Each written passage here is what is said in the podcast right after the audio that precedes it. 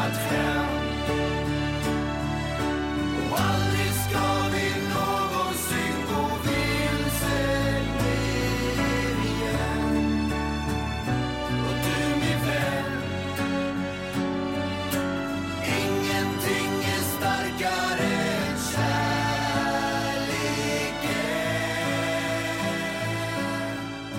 Hej och välkommen till ett nytt avsnitt av podden Surret på läktaren med mig Linus Malmborg, en podd på initiativ av FC Stockholm. Idag gästas vi av Joel Ekstrand. En av allsvenskans eh, finaste mittbackar genom tiderna skulle jag säga. Ja, man bugar och bockar. Stort tack för det. Välkommen. här. Snacka lite. Snacka Trevligt. lite skit, Ja. låter skitbra. Eh, hur är läget? Jo men det är faktiskt jättebra med mig. Eh, påbörjat mitt nya liv nu efter karriären och sådär. Så att det är ju spännande och eh, nej men det rullar på bra. Hur är det själv? Ja. Hur är det med dig? Jo, men det är bra. Ja, Vi har ju kommit fram till lite grejer här innan podden, att vi Ja, har lite exakt. gemensamt. ja verkligen, verkligen. Men, man eh, vet, världen är liten helt enkelt. Ja, det är precis. alltid kul när man eh, har gemensamma vänner och, och, och så vidare. Absolut. Ja. Grymt. Eh, coronatiderna, hur... Är du i karantän eller hur? Eh, Nej det är jag inte, jag jobbar ju på som vanligt men man är ju såklart extra försiktig och sådär speciellt om man känner att man har någon, någon form av symptom eller så men annars Ja. så Jag är väl en av dem som eh, jag skulle vilja säga, jag skulle nog säga att jag är en av dem som tänker på det och är noggrann men eh, kan ändå liksom glömma bort det lite sådär så att Ja. jag är noggrann och sköter mig men, men samtidigt lägger jag inte för mycket energi på det helt enkelt men, men man är såklart uppdaterad och följer rekommendationerna och sådär liksom. Men eh, nej, man hoppas, man vill bara att det ska vara över nu. Ja, man så är det liksom att det är så segdraget alltså. ja, Man tänker att det är någon form av eh, seg dröm som bara ska sluta liksom. Ja. Men, men man får nog, eh, man får nog liksom leva med det ett tag Ja. till alltså. det Själv sjuka då? är ju att det har blivit någon typ av det har ju blivit någon typ av eh, nuläge av det. Alltså att det är liksom här normalläge av, av det, det känns det konstiga kommer läget. vara så här liksom. länge liksom. Ja. Att man inte, fortfarande inte vet liksom hur det kommer bli och så vidare. Så att det är ju väldigt så man får nog ställa sig in på de här liksom, eh, alla de här restriktionerna och sånt som finns liksom. Och ja, det kommer nog, mycket kommer nog ändras framöver liksom. Allt från hur man reste och, och jobbade innan till liksom, eh, eh, ja, allmänt hur man liksom eh, reser i världen och, och liksom alla sådana här typer av inställningar som man hade innan kommer lätt ändras. Arbetsmarknaden, jobbmarknaden, bostads... Fotbolls, fotbollsmarknaden också Fotbollsmarknaden. förmodligen. Det är nog många fotbollsspelare just nu som eh, det, kommer, det är jobbigt för många fotbollsspelare kan man tänka. Många Ja. kontrakt som går ut som man inte vet om hur det ska bli och ligorna spelas inte och så vidare. Så. Extremt speciell situation. Alltså man får bara hoppas att det är över så snabbt som möjligt. Men det kommer vara problematiskt för spelare, för klubbar, Ja. för ledningar runt om överallt. Liksom. Ja. Så, men, men i slutändan så fokuserar man ju bara liksom på, på eh, hälsan och så här. Jag menar Absolut. folk dör ju och sånt. Så att, Ja. eh, det, är ju, det är ju skitgrejer om man tittar i det anseendet. Så Ja. att eh, man får bara hålla sig frisk och liksom se till att man inte smittar folk och sånt. Ja. Ja. Precis, vi Ja. håller bra avstånd här nu i Ja men jag ty- studion. så tycker det. det du känns hade bra. kunnat sitta lite längre ifrån men, ja, nej, men det känns bra. Härligt. Du, jag tänkte vi skulle inleda, innan vi går in på eh, din karriär, din eh, personen Joel Ekstrand och så vidare, så ska vi köra 12 snabba frågor tänkte Ja jag. okej, ja, vad kul det kan vi göra. Ja, Eller ja, eh, vi ser. vi får se om det blir kul, ja precis. Eh, vi inleder med den här. Ålder, Jag är 31 år gammal. 31 Fyller år. år den 4 februari. Så att eh, jag borde ju vara i min prime nu i min karriär egentligen men vi kan återgå till det sen. Ja. det blir inte allt som man tänkt sig. Ja, så att jag är en ung tupp. Ja. Eh, Sådär. Ja. Yrke, Jag är ju förmedlare för spelare, agent, Mm. hur man vill kalla det. Eh, Jag har väl inte riktigt kommit igång än sådär men det är mitt yrke just nu. Yes. Eh, Absolut. om du vann 10 miljoner på Lotto idag, vad skulle du gjort för de pengarna? Jag skulle nog köpt eh, en fet båt. Riktigt fin alltså båt. Och Ja. haft den i Mälaren någonstans liksom och bara eh, Lite av ett flytande fritidshus. Ja, fan fint. Mm. På tal om det, det här är inte en av de 12 frågorna, men du bor i Stockholm nu. Jag bor i Stockholm, ja, Ja. precis. Hur fan känns det? Jo, alltså Stockholm är lite sådär så att det är ganska jobbigt så men eh, Nej jag skojar bara. nej men eh, jag trivs jättebra. Stockholm är underbart vackert och, och det finns otroligt mycket möjligheter här och Eh, nej men det känns jättebra. Men det var aldrig tankar att flytta tillbaka till. Skåne liksom när... Eh, Jo, kom klart, eh, klart tanken har varit där lite och sådär. Men, men Lund, jag är från Lund liksom. Jag tycker det är lite, kan tycka det är lite för litet helt enkelt. Ja. Och det händer inte speciellt mycket. Så att eh, nu när jag liksom har slutat spela fotboll och, och vill göra någonting nytt. Då känns det ändå som Stockholm är liksom the place to be. Att här, Mm. finns, eh, här finns alla möjligheter liksom. Och, eh, starta ett eh, yrkesliv helt enkelt. Så nej, men jag blir kvar ett tag i Ja. alla fall. Ja. grymt. Eh, om du får vara en annan person för en dag, vem är det? Oh, vad svårt alltså. Jag tror nog jag hade varit Donald Trump alltså. Snyggt. Ja. Och inte för att jag vill vara honom per se utan bara vara USAs president Ja. för en dag. Bara se hur det är liksom. Den makten. Ja, exakt. Ja. Vad tror du är en vanlig missuppfattning som andra har om dig? Jag tror att folk kan uppleva mig som typ arrogant och dryg innan man börjar snacka med mig. Om man inte känner mig. Är det så? Ja, det tror jag. Varför jag har hört det? mycket också. Jag Ja, vet okej. inte liksom alltså. Jag, jag, jag vet inte varför men eh, jag tror att generellt eh, att folk kanske har en viss uppfattning om fotbollsspelare och liksom, eh, vad ska man säga, lite offentliga människor rent generellt. Ja. Det kan vara influencers eller vad som helst. Man tror bara någonting innan man börjar snacka med, med personer helt enkelt. Mm. Mm. Eh, vem hade du velat bjuda hem på middag om du fick? Vem som helst i världen. Oj, vad svårt. Oj, oj, oj, vad svårt alltså. Ja, den var verkligen klurig. Jag vet inte riktigt vad jag ska svara på den. Alltså, jag är jätte, jättesvårt. Alltså, jag... Nej, jag faktiskt... Alltså, Danilo. Ja men Danilo, ja, exakt, vår gemensamma vän i, nere i Lund, han hade jag bjudit på middag. Nej, jag hade faktiskt, det här är den sista jag hade bjudit på middag. Nej men eh, kanske snickesnacka lite med Thierry Henry. Ja. Jag har alltid varit min stora förebild när jag var liten och höll på Arsenal så här. Så Just jag hade ja. käkat lite med honom, liksom bara bolla läget med Ja, honom. Det hade varit nice. Helt rätt. Så jag ville honom. Vad lyssnar du helst på? Det, det, är helt, det är helt olika alltså. Jag, jag, jag, jag, har ingen musiksmak så utan det kan vara reggae, pop, det kan vara Ja. Okej, rock är väl ingen, liksom, det är inget för mig så, men, men ja, det är allmänt, det är liksom svensk hiphop kan vara nice nu, liksom här sommartid och så. Nej, Mm. Alltså jag, det finns ingen sån, Allätare nu. allätare är jag faktiskt liksom, Ja. eh, förutom lite allergi mot rock då liksom helt enkelt. Men annars är jag nog allätare där. Mm. Eh, vad gör du helst en ledig dag? Eh, nej men då får ju båten komma in där igen. Jag hade ju velat, eh, jag ville ha båt liksom så jag älskar att vara ute på sjön och eh, en ledig dag liksom på sjön, fiska, bara ta det lugnt liksom, eh, lyssna på vattnet. Så det, Ja. det, det är min dröm till en, en ledig dag liksom Ja. för att bara slappna av.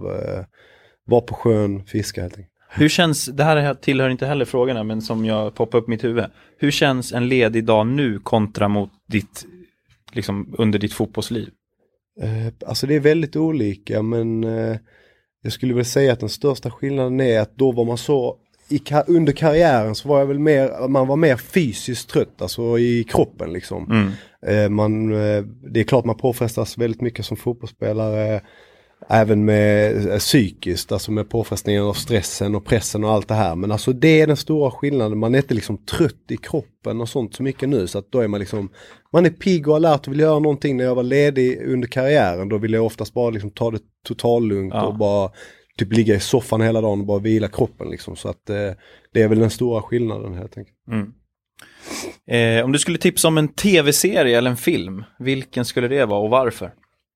Eh, och- nej men en tv-serie eller en film. eh, eh, då skulle jag nog välja har man inte sett Sopranos måste man säga den. Alltså Ja. den är fantastisk liksom. Den är, nej, jag tycker den är så bra. Alltså, det, det rekommenderar alla att se Ja. den helt enkelt. Ja. Plöjde du mycket serier under... plöjt När man hade tid mycket för det, liksom, Exakt, och- plöjt så mycket serier och, och filmer och allt sånt här. Det blir mindre av det nu liksom. Jag vet inte om det är för man är lite äldre och kanske liksom jobbar mer runt omkring och Ja. typ eh, Man får lite andra intressen helt enkelt. Ja. Man blir lite rastlös och bara ligga och, och kolla filmen. eh. Tidigare i karriären när man reste mycket, hotellrum Ja, och hela den biten. Då blev det ju bara liksom serier, filmer hela, hela tiden liksom. Jag Ja. kommer ihåg att jag tittade mycket på Two and a half men och sånt. Ja. eh, Sånt som man kan plöja, precis, som är lite plöja lätt, liksom, och sen lättsmält. liksom, liksom. lättsmält, man blir lite på så här bra humör och man kanske hade en viktig match dagen efter. Ja. Så kunde man slappna av lite bättre och så här så att eh, Ja, nej men det, det, det är nice. Det är nice. Ja. Drömresmål? Alltså jag, jag, är, ju- jag har varit på de flesta ställen så vad jag, vad jag, eh, vad jag har velat resa egentligen. Men eh, jag skulle vilja säga att mitt, mitt drömresmål just nu det är väl i så fall eh, kanske Brasilien. Mm. Åka runt i Brasilien och så här. Där, eh, där har jag inte varit Nej. och där hade jag velat åka. Så att, ja men då säger jag Brasilien. Yes. Och en sista fråga här. Säg en person som du ser upp till och varför. Ja. Nej men det låter väl löjligt, jag ser upp till mina föräldrar alltså. Ja, Ja. det är väl bra. Ja, ja men, jag. Det eh, låter som ett ja, bra- men absolut. bra alltså, det, de är fina människor rakt igenom. Det är liksom, eh, eh, som man säger, hederliga människor. Jag ser Ja. upp till dem extremt mycket. Liksom. Jag ser egentligen inte upp till någon annan så. Så att eh, därför får det bli dem. Ja, Eh, ja, det låter bra. Ja. Fötterna på jorden. ja, men exakt. Eh, då var de här frågorna avklarade. Ja, vad kul. Ja. Det är jätteroliga tolv frågor. Ja. Inleder bra här. Ja. Eh, men jag tänkte vi skulle försöka hålla oss lite till din eh, karriär, lite i kronologisk ordning. Försöka komma in på dels eh, fotbollen givetvis som är den centrala delen men även lite så här tankar och, och sådär kring olika, Ja. olika saker så här, Ja. som kan vara intressant att veta. ja, men absolut. Eh, och garva lite såklart. Ja. Eh, det började i Lund alltså. Du är född i Lund. Jag är född i Lund, eh, började spela i Krubban, Lunds BK. Jag började ganska sent egentligen tror jag, så jag började typ spela fotboll vid nio, nio Ja. ålder, nio, tio liksom. För jag spelade hockey innan det, min Ah, bror okej. spelade hockey. Ja, Så jag spelade i LIS då. Eh, men sen så började jag spela fotboll då ganska sent, eller sent och sent, men du vet många Nutiden är det sent. Det är ju För sent. nu börjar Man typ när du tre. ofta Ja exakt, typ, typ så fyra, fem, sex i alla fall. Ja. Så att då började vi nio, var ganska, jag har alltid spelat mycket fotboll själv och sådär. Nej men så började jag då, eh, spelade i Lunds BK tills jag var 15 där. mm. Då började det bli seriöst, då var det alla sådana här uh, uttagningar och, och så vidare. Och, eh, flyttade sen till Helsingborg då Mm. eh, vid 16 års ålder för att börja gymnasiet och spela Helsingborgs Mm. IF. Hur var det, var det, drog hockey någonting i, eller la av med den där? Jag slutade, jag var tvungen liksom att sluta så jag slutade där vid kanske ja, 10-11 års ålder. Det gick inte att hålla på med både och, alltså man hann inte helt enkelt. Utan eh, Lite sorgligt egentligen när man tänker på det Ja. för att eh, man måste välja så tidigt ändå liksom. Ja. Men eh, Och även i, det känns ju så här, det här är min egna så här, eh, vad ska man säga, analys. Men det känns som att just i Stockholm är det också, jag är uppvuxen i Stockholm, då är det så här, ja du väljer liksom. Ja. När du är nio, tio, Ja, då väljer du liksom. Ja, men och det känns som att ute i landet kanske man kan hålla på längre med båda, men inte i ditt fall. I, Ja nej alltså, eh, det, alltså det gick inte. Du vet så Nej. man ska ju, det är ju träningar. Du, det blir ju svårt att träna liksom eh, alla dagar i veckan Ja. och ibland två gånger. Liksom, Ja, ena precis. gången hockey, en gång fotboll. Det går liksom bara inte. Men, så det är väl ganska naturligt egentligen. Men det är ändå lite så tråkigt eh, att behöva välja så tidigt. Men, eh, nej men då hade jag, det var egentligen ganska naturligt på ett sätt för att då hade jag flest kompisar inom Ja. fotbollen. Och då blir det liksom Ja, att man- absolut, är ju, mer fotboll. Jag tänkte inte någonting på proffs och bli eh, fotbollsproffs och sånt. Jag gjorde faktiskt inte det när jag var liten, alltså när jag spelade. Och jag tror det är också en sån grej som Idag är alla så medvetna. Du vet Mm. även när du är så 10, 11, 12, 13. Alla vet idag och ska bli proffs, man ska Mm. bli si, man ska bli så. Man ser alla de här eh, förebilderna. Jag hade inget fokus på sånt när jag var liten. Jag spelade bara för det var kul med mina kompisar och sånt.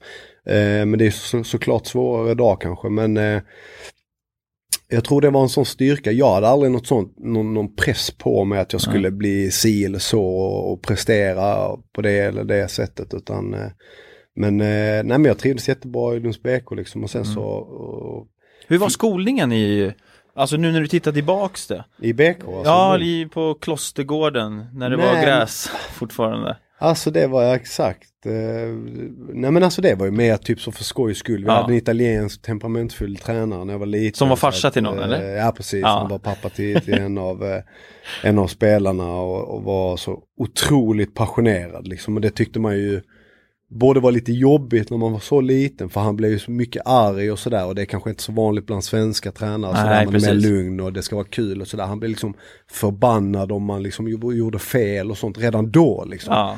Och många föräldrar hade svårt för det och så vidare och det var mycket klagomål och sånt. Men, men det kan man ha lärt sig lite av också, den här pressen och, Ja. och förväntan av ens tränare och bla bla bla ganska tidigt. Så, så att, eh, nej men skolningen var väl bara liksom att, eh, du vet man spelade ju det egentligen bara för att ha kul, det var Ja. roliga träningar, mycket matcher och sådär. Hur, hur är, eh, var, var någonstans i eh, ordningen är Lunds BK liksom i Skåne? Om man tänker det är Malmö, det är Helsingborg, Landskrona Oj, Skåne, och... Ja men exakt, alltså det är ju egentligen ingen fotbollsstad alls. Nej. Det är en handbollsstad. Så man har ju Ja. två eh, handbollslag i elitserien och så, och så Lunds BK då.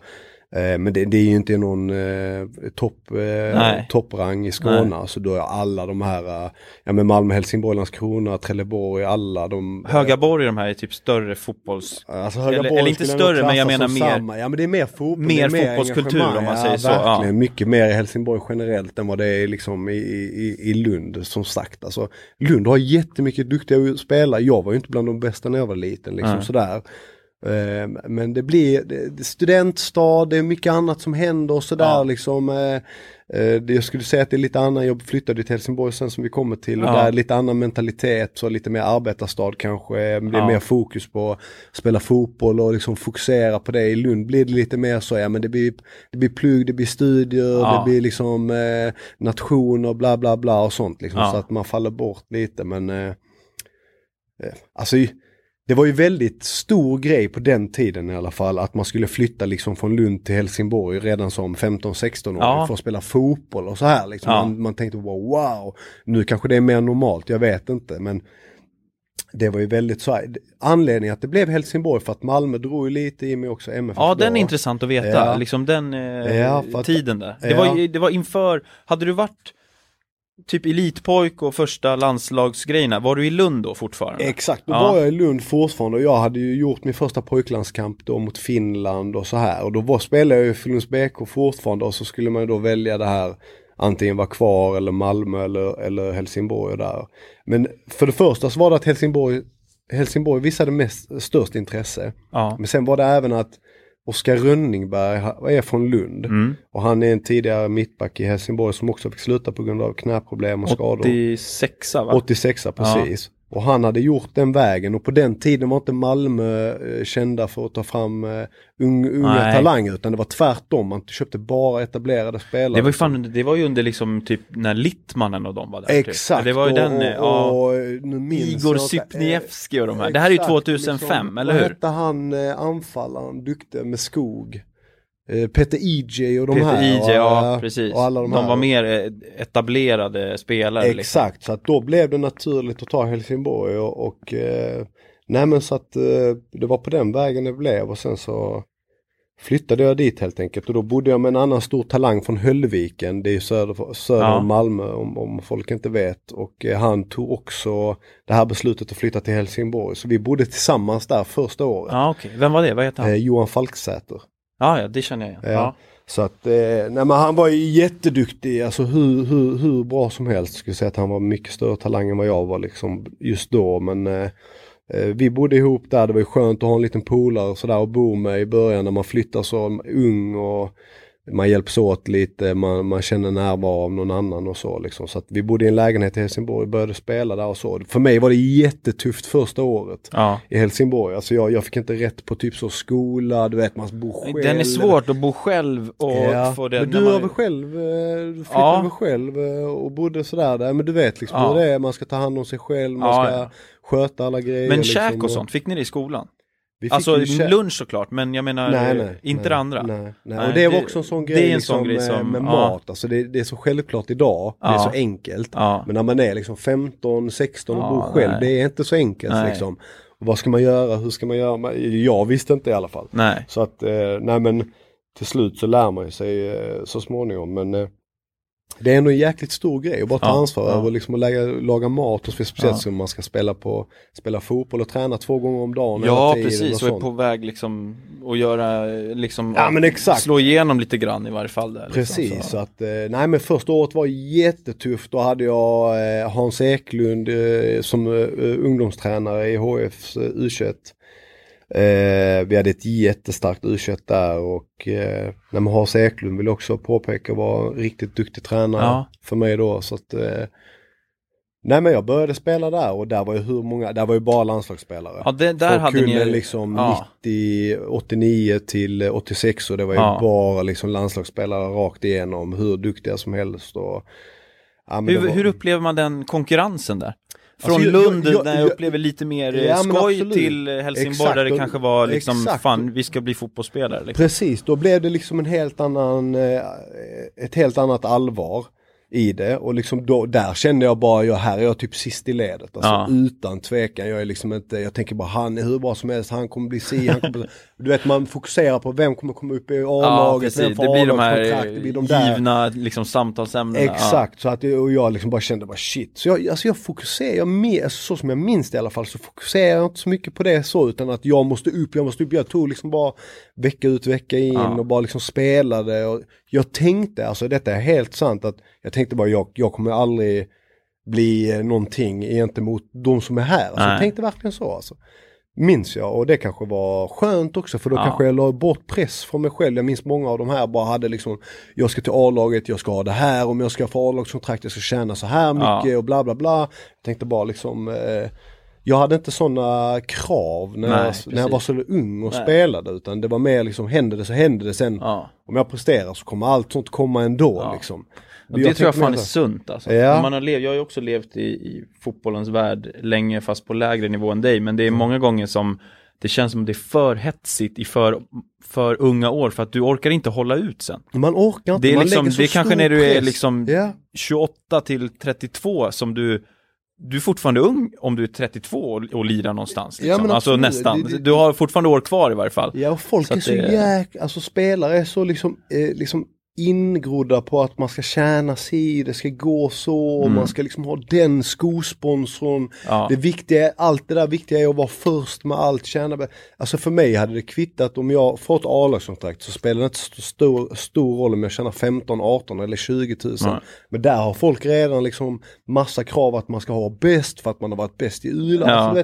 Istället för att fokusera typ på träning och matcher och liksom göra bra ifrån sig. Så att, eh, nej men eh, Stuart Baxter var ju tränare i Helsingborg då. Och så Just små- det, hur var den kulturen där? Då, om vi går igenom den, du, du kommer till Helsingborg, du eh, går igenom U-lag och sådär Mm. eh, Ja. och blir uppflyttad i A-truppen 28, kan det Exakt, vara det? Va? exakt, 19 exakt. bast, Ja. 18-19 bast. Precis. 18 var jag och då började jag liksom träna på allvar med A-laget och då Ja. var ju Stuart Baxter där och Andreas Jakobsson och de här lirarna. Just det. Eh, Det är fortfarande liksom gamla gardet kvar då. ja, Den är absolut. ganska rolig att ha, för att det- Henrik då är det ju liksom- och Marcus Lantz och alla de här liksom. Då är det bara bära vattenflaskor för Ekstrand liksom. Ja men lite så, alltså jag minns ju typ så jag fick några hyvlingar av Marcus Lantz liksom på träningarna och man bara shit alltså han kommer liksom slakta mig om jag inte presterar nu liksom, bara skärp Ja. dig och så vidare. Nej men så eh, det är klart att det var, det var någonting man inte hade känt alls tidigare liksom. Det var hierarki deluxe liksom Ja. sådär och världsstjärnan som Henrik Larsson liksom och Ja, bara kliva in och se honom live liksom. När han bara liksom tar på sig fotbollsskorna var liksom bara helt konstigt. Det Ja. kändes bara helt konstigt alltså. Man är ung, man har liksom bara spelat på, på en viss nivå, man har ingen aning om någonting. Helt plötsligt skriver man in, kliver man in där med liksom Ja, alltså jätteetablerade allsvenska spelare. Ja. Erik Wahlstedt, Kristoffer Andersson, Mattias Lindström, eh, Henrik Larsson, Jakobsson, Marcus Lantz. Liksom Ja. sådana här tunga pjäser liksom. Så att det var ju så mäktigt alltså. Ja. När jag fick min plats där inne i omklädningsrummet till slut tänkte man bara wow liksom. Hur Fan, är det på riktigt, här liksom? inne nästan Ja. liksom. Ja, det är ju också en, en, alltså en, en tid och Helsingborg som du nämner, både med namnen men också med framgångarna. Är Ja, ju liksom, Ja det verkligen. var ju alltså. Uefa-cupen Det och var ju det var Uefa-cupen och, och titlar och hela, hela, det, hela det köret och väldigt stora förväntningar utifrån såklart med Ja. Henrik Larsson och hela den här biten. ja Att, just eh, det. Ja. Att eh, prestera på topp och så. Så att nej men det var, det var ju skitkul. Det var, det var det var verkligen topp alltså. Man, Ja. var ju, eh, man lärde sig mycket där hela Ja. tiden. Ja. Till slut så kommer man ju också in och tänker att när det har gått några veckor, ett par månader, tänker man bara här, här kan jag fan ta för mig. Här, här kan jag också prestera. Det är, de är inte utomjordingar som man kanske har trott Nej. tidigare och liksom de kommer liksom inte ta bollen och flyga med den över hela planen och lägga in den i målet. Liksom. Det är, men det är lätt att Ja. man skapar den här bilden och, Ja. och det kan komma till senare också när man mött världsstjärnor. Liksom.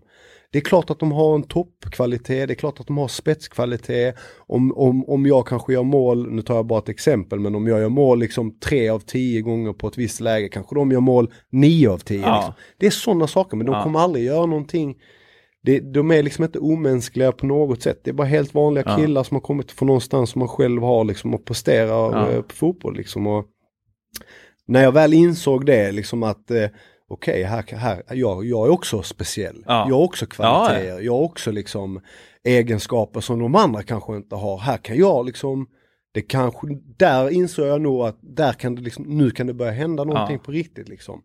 Vilka, vilka egenskaper skulle du säga där? Du är liksom, du är 18, 19, 20, tar för Mm. i Helsingborg.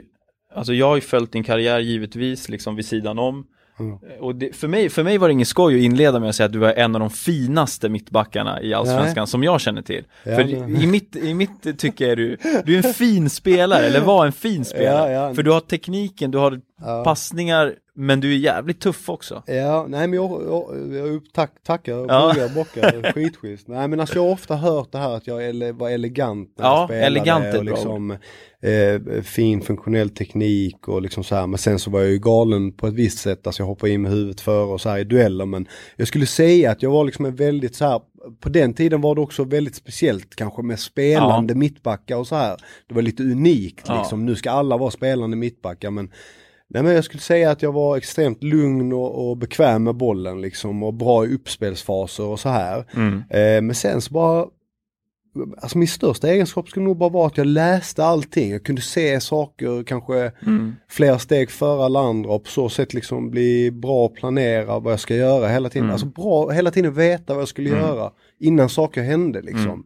Så att det är väl, eh, då, om man då ska översätta det kanske det är väl mer bra spelförståelse helt Mm. enkelt och sådär liksom. Jag, var, jag har aldrig varit ursnabb, jag har aldrig varit urstark eh, och sådana här bitar utan mer de där grejerna liksom att veta vad man ska göra när det Ja. händer, förbereda sig liksom, kanske se saker att innan jag ens får bollen vet jag att han kommer vara där på mitten så jag kommer liksom kunna ta emot den och bara Ja. smälla in den till Ja. honom.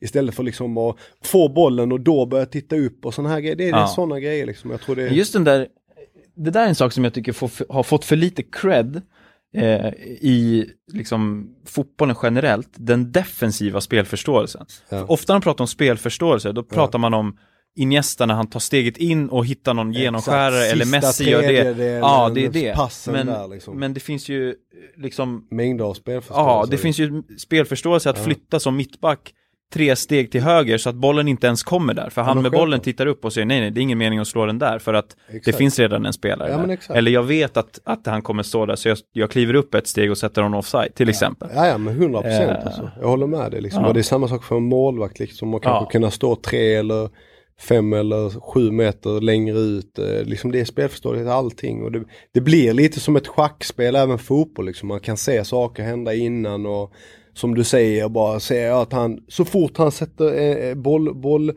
Eh, eh, bollhållaren liksom eh, tittar ner på bollen så vet jag att nu kommer han slå en boll liksom. Ja. Kanske jag faller av tidigare och sånt och då har jag förebyggt ett, ett farligt skede liksom Mm. och så vidare. Så att det är de grejerna jag skulle säga liksom att eh, var mina största kvaliteter egentligen liksom. Men, eh, men eh, det är klart man har många kvaliteter liksom sådär med eh, när man har spelat på en hög nivå, då har ju de flesta, man har ju det här med vinnarskalle, Ja, den det här som inre var- drivet och Ja. det här liksom att man man vill eh, vinna och liksom göra bra ifrån sig. Man Ja. blir någon form av perfektionist liksom att man Ja. Men small, det på, hur var det på träningarna här i Helsingborg? Small det på där med alla de här namnen? absolut, det small För där känns det som att du kunde sätta dig ändå i lite respekt i och med att du kan smälla på. Ja, ja absolut. Nej men alltså jag, jag det, det small ganska mycket och jag är ingen som är rädd för, var, var rädd för att det skulle smälla på liksom och eh, det, det var liksom, eh, största skillnaden kanske från ungdoms till seniorfotboll. Att det börjar bli liksom, där är det på liv och död nästan. Det är Mm. folks levebröd liksom. Ja, och folk som precis. livnär sig och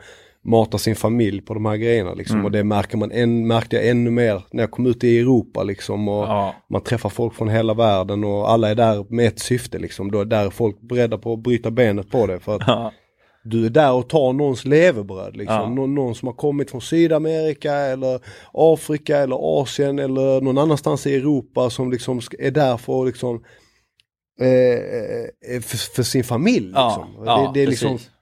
För familj. Upp, I Sverige kan den kulturen vara lite mesig liksom. Att Ja, Det är för lugnt, du vet, man vill inte trampa någon på tårna på träningen och, och ja men förlåt, Vi har det förlåt. bra och man bara liksom, vi har det bra liksom. ganska. Ja. Vi, de flesta generellt i Sverige har det okej ställt, du vet, det är Mm. inte på liv och död. Vissa kanske ens eh, eh, knappt vill bli proffs för att man har det så bra här hemma Ja. och sånt. Liksom. Där är det liksom, det är liv och död, du, du, du är där Ja. för att ta någon annans levebröd. Liksom. Ja. Det, det, man är inte ens vänner liksom, överhuvudtaget. så att, eh, det är en helt en, an, eh, annan mentalitet. Men eh, som sagt, nej, det är skillnaden på seniorfotboll och ungdomsfotboll. Det blir Ja. helt annat allvar Ja. och sådär. Så att, eh, men men eh, jag hade en jättefin tid i Helsingborg. I ja hur staden, många, hur många år är du ordinarie innan Eh, det börjar ryckas? Ordinarie, exakt tre år innan Ja. eh, det började ryckas liksom eh, ordentligt. Så då spelade jag ju, jag gjorde min debut mot PSV Eindhoven i, i. i Europa League. Eh, jag tror det hette Uefa-cupen. Uefa-cupen hette Ja, det då till och med. Jag tror ja. det hette Uefa-cupen då. Eh, gjorde min debut där och det var ju magiskt. Och sen så rullade det på i Allsvenskan tre säsonger efter det. Mm. Eh, blev, eh, vann Svenska cupen en gång och kom två i Allsvenskan. Mm. Sen året efter jag lämnade så vann så vann Helsingborg Allsvenskan Just där. Men jag var inte Du lämnade där. två, Ja. nej de vann 2011 va? Exakt, jag lämnade precis innan. Ja. eh, eller var det 2000, fan nu blir jag osäker. Jo men det var det. 2011 vann Helsingborg, Ja. 10 vann Malmö, var det inte så? Det här har jag ingen, nu tror folk att jag googlar, men det gör jag inte. Jag vet, Nej. jag bara, det är i mitt huvud bara. Ja, fan, Och 12 vinner Elfsborg. Jag, ja, oj. Ja. Ja. Nej men så, ja men precis och då, då blir jag ju proffs och då sticker jag till Ita- Italien, Ja. Udinese Calcio. Be- berätta lite om det där då. Du, eh, då är det, hur mycket klubbar är det som rycker i dig då? Hur mycket vet du om? Vem har du som eh, representerar dig eh, som agent Då, då hade jag? Martin Dahlin som agent. Eh, vi hade upplägget eh, som jag ville då att jag ville inte veta så fort det kommer en klubb och Ja. kolla på mig utan jag vill fokusera på att spela och så här. Jag vet ju om att jag är lätt, alltså en av Sveriges största talanger liksom, Ja. i alla fall i min årgång. Ja. Kanske tillsammans med Albin Ekdal liksom sådär. Ja. Eh, men, men eh, och jag bara liksom väntar på att något ska hända egentligen. Jag känner liksom att... Eh, Är du otålig där eller? Nej absolut Nej. inte. Nej, nej det är jag inte. Det är Du absolut känns inte. inte som att du skulle Nej. vara det heller. Nej, jag var absolut inte otålig och det var liksom, alltså som sagt återigen, jag har alltid haft något sånt liksom bara att eh, jag har inte krävt eller förväntat mig Nej. att något ska hända utan jag har bara fokuserat, jag tror jag har varit bra, jag var bra i min karriär och fokuserar bara i nuet. Fokusera på det jag ska göra, nästa träning, nästa match. Och sen så bara har jag fattat att om jag bara presterar så kommer det hända något, kommer, Mm. kommer någonting hända. Det kommer inte hända någonting mer för att jag skriker på min sportchef eller skriker Nej. på min agent och så vidare. Utan jag, jag tänkte liksom bara hela tiden att presterar jag kommer det lösa sig. Det, det gjorde det ju till slut. Och jag var aldrig girig sådär men det är klart att det är klart jag ville bli proffs liksom och, och, och hela den biten. Men eh, Vad låg på bordet där då? Eh, Alltså det var Udinese, igen- Ja, Udinese var ju Eh, de såklart, som var eh, överlägset eh, mest intresserade. Men sen så var det inte så, så mycket. Jag tror det var Groningen i Holland. ja. Eh, det var de som var konkreta och ville mest. Och då var det också, det var den perioden gran, Granen, Andreas Granqvist hade varit i, eller var i det. Groningen. Så Ja. att, eh, de hade goda, goda intentioner där också. Liksom. Men, men annat, det var inte så mycket annat. Det var till och från, liksom, det kunde vara vilka klubbar som helst. Alltså klubbar i Belgien, men du vet att till att höra. Ja. Du hörde ju, jag hörde ju massa klubbar i England, jag hörde massa Ja. klubbar i Italien. Bologna, bla bla bla. Men, men till att det ska bli riktigt konkret, det är en helt annan grej. Det är Ja. liksom att vara intresserad av att och, och, och köpa vad som helst till Ja. att göra det. Det kan vara Ja. två väldigt eh, skilda världar Ja. liksom. Så att, eh, nej men det var faktiskt roligt då för att en morgon, jag skulle, jag hade trän, eh, vi hade träning som vanligt och så hade jag sovit hos min kompis Fredrik Livestam som då också spelade i Helsingborg och nära vän till mig. Då var han, vi skulle åka, jag minns inte, jag tror Kristoffer Andersson hämtade upp oss av någon anledning, jag kan inte minnas varför. Och då stod det på alla sådana här metro, alltså de här tidnings... löpen, ja, ja. löpen på, på tidning, så det var som gratistidning, jag vet inte om det finns fortfarande. Ja, tveksamt alltså. Kanske i mobilen. Ja hur som helst så stod det typ bara eh, Joel Ekstrand klar för Udinese och då visste jag knappt någonting själv. så jag fattade ingenting, jag bara hur, hur kan det vara möjligt liksom och sen så den dagen så bara drog allt igång Ah, snabbt okej. som fan liksom. Ja. Eh, eh, nej men då, det, det var inget tvivel för mig att gå till Udinese. Jag var ju bara, tänkte bara Serie A, Italien, så Ja. fett liksom. Eh, jag var så exalterad, tyckte det var så kul, var så glad. Det var segt lite med övergången där för att eh, Eh, McDonald Mariga hade gått till, eh, jag vet- minns, om jag minns rätt så var det Parma och Mm. då hade Helsingborg inte fått den betalningen av Parma. För att i, i, i Italien, italienarna är lite som de är. Liksom. Ja. Och då eh, så ville Helsingborg ha en väldigt speciell, de ville ha ett speciellt upplägg som Ah, skulle okej. garantera dem att få betalt. Att de skulle enkelt. få, ja precis. Exakt, så att det drog ut på tiden. Ja. Jag var på Jesper Jansson och bara liksom eh, lös det nu liksom, vad händer, bla bla. Jag liksom, då var jag, blev jag lite jävlig liksom, Ja. jag kommer inte att träna eller spela här mer liksom, fixa det nu och sådär. Och eh, nej men eh, så, så på det spåret var det helt enkelt. Sen så var det klart liksom. Hur viktig är eh, Martin Dahlin ha- hade du sen du, det var till och med tillbaka till Lund-tiden där? Ja, Eller? alltså i princip. Jag hade honom som, som förmedlare, agent sen jag var typ Ja. 14, Ja. ja 14 i alla fall träffades, alltså om inte 13, 13, Ja. 14 träffade jag han med mina föräldrar för första gången. ja. Hur viktigt Eh, tror du det är för en ung spelare att ha någon eh, som, alltså det, det kan vara en agent eller det kan vara någon kanske i familjen som har gjort någon liknande resa, någon typ Ja. av, av, det behöver inte vara förmedlare, men det kan vara någon rådgivning eller någonting att ha eh, för att kunna, om, om man då säger att målet är att bli fotbollsspelare liksom. Alltså det är så extremt svårt att svara på och då har jag varit med i hela karusellen liksom Ja. från början till slut. Alltså det är, och det är så, det är så extremt individuellt. Alltså det är liksom, när jag var 13-14, givetvis behöver jag egentligen inte Nej, en agent eller en förm- förmedlare. nej, För att jag spelar bara och folk spelar bara egentligen då för att det är kul och för att man eh, liksom eh, gillar att spela fotboll. Sen eh, att det växer intresse tidigt och agenter, det är ännu värre idag. Jag menar, vad fan agenter tar ju spelare typ när de är 12-13 liksom Ja. sådär. Och eh, jättesvårt att svara på. Det man kan säga är att nummer ett är ju att är agenten, är personen, är förmedlaren en bra person som vill dig väl? Mm. Det är ju nummer ett. Och det kan ju inte en 13-årig svara på. nej, nej. Det är knappt så föräldrar kan svara på det. nej Så inte om det, man inte har någon man ingen erfarenhet av erfarenhet, branschen. föräldrar Liksom. vet ingenting hur det är, hur det fungerar liksom bakom kul- kulisserna och, och eh, liksom eh, jag skulle säga att det positiva med att ha en agent, kanske i lite tidigare ålder, det är att man bygger en relation. Ja. Både med föräldrar, Ja. familj och spelaren. Så man har någon form av grund sen när saker väl kan börja hända på allvar. Ja. Då är det inte så att Ja men när jag, när jag är 18 och då börjar det hända någonting att jag ska ut och spela, bli proffs. Då kommer det någon utan Nej. då känner man inte varandra. Ja. Utan man kanske har haft en tidigare relation ett par år. Det kan ju vara positivt så att man liksom Ja man har fått någon känsla av varandra. Har jag känt då att personen kanske i sig inte bryr sig så mycket om mig då kanske jag bör se om och Ja. inte vara med den eh, personen helt Ja. enkelt. Så det är väl mer sådana grejer liksom. Jag jobbar ju som agent och förmedlare idag. Ja, precis. Vilka egenskaper tänker du att du eh, kommer ta med dig där? Eller vilka erfarenheter tar du med dig från dina egna erfarenheter av att ha haft att göra med en massa agenter? Liksom, Ja, genom- nej men alltså då, jag kommer liksom fokusera på det genuina, långsiktiga och relationen som jag då pratade om. Att Ja. jag, jag är inte ute efter något kortsiktigt. Jag vill inte ha en relation där spelaren bara bryr sig om det kortsiktiga och tjäna pengar och bara är ute efter en guldklocka liksom. Nej. Då är det bättre man går med någon annan. Då är inte jag rätt förmedlare eller, eller, eh, eller representant för den spelaren överhuvudtaget. Så det är det jag kommer eh, fokusera på.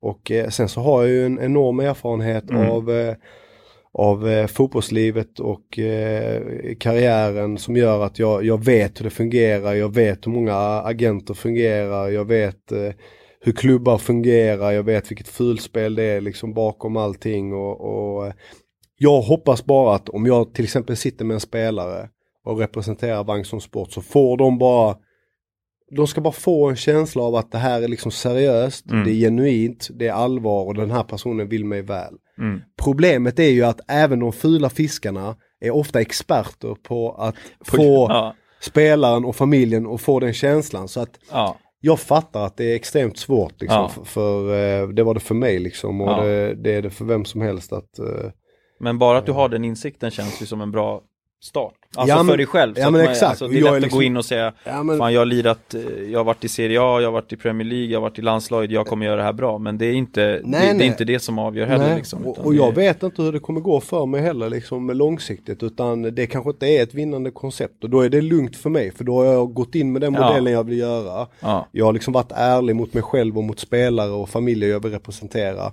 Tycker de det, tycker inte de att det är någonting för dem, då, då är det okej. Då, Mm. då, skulle, då hittar jag på något annat sen liksom. Mm. Eh, Det är för många idag som eh, bara bryr sig om liksom eh, eh, Ja men det här snabba tänket att eh, bara tjäna pengar snabbt och, och hela den biten. Alltså Mm. missförstå mig inte, givetvis ska man maximera sin karriär ja, maximera liksom att tjäna så mycket som möjligt. Det är ju sånt, det är det alla strävar Mm. efter. Så enkelt är det. det är Liksom. så vår, vårt samhälle är uppbyggt. det är typ. så samhället är uppbyggt, det är så liksom eh, de flesta individer liksom resonerar. Så att det är ju inte det, men, men liksom bara det här snabba typ att eh, ja, men, ja, du får en bil av mig om vi börjar jobba. Du vet, då har man fel liksom grundinställning helt Ja. enkelt. Så att det Nej, men jag ser fram emot liksom att eh, representera framförallt liksom unga killar, även Mm. etablerade spelare och liksom, eh, alltså jobba stenhårt. Liksom. Mm. Jag, jag är motiverad, jag är ung i, i den branschen, Ja. jag är hungrig,